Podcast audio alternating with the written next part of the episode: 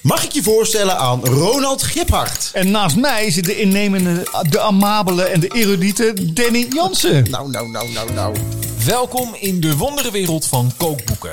Waarin je het ja, zo gek niet kunt bedenken of er is wel een kookboek over gemaakt. Waarom schreven jullie dit boek? Hem versus haar. Waarom Ja, dus wij verschenen? hebben gewoon altijd discussies in de keuken. Wij, wij liggen gewoon totaal niet op één lijn qua smaak. Dus dat is natuurlijk best wel lastig af en toe. Daarom bespreken kookboekenliefhebbers Danny Jansen en Ronald Giphart in deze podcast alle vormen en maten van kookboeken. Gigantisch succes. Ja, Eh, verkoopsucces, eh, goed besproken, prijzen gewonnen. Het lijkt me dat het heel moeilijk is om dan eh, met een tweede boek te komen. Van kaftpapier en de grootte tot het aantal stappen dat een bepaald gerecht nodig heeft. Heel veel tekst. Ja, ik moet daar zelf... Ik heb er altijd wel een beetje...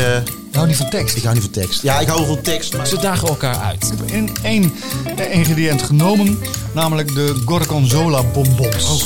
Ja, zware kop. niet nog een glaasje wijn wellicht. We drinken een, een chablis van eh Agnès Didier Dovistas. Nou, Het klinkt eh, heerlijk. klinkt goed toch? Ja, zeker. Maar ik heb nou gewoon trek.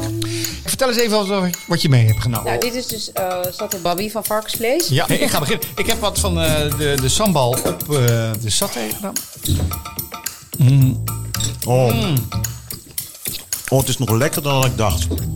Helpen jou met kookboekinspiratie Uit welk kookboek moet deze mevrouw iets koken om indruk te maken op haar first date? en bespreken de nieuwste kookboeken door er met auteurs over te praten. Ik vind het wel echt bij jouw naam passen. Want als je jouw naam op met voor- eh, en achternaam... dan krijg je denk ik, nou, hier zit salsa in.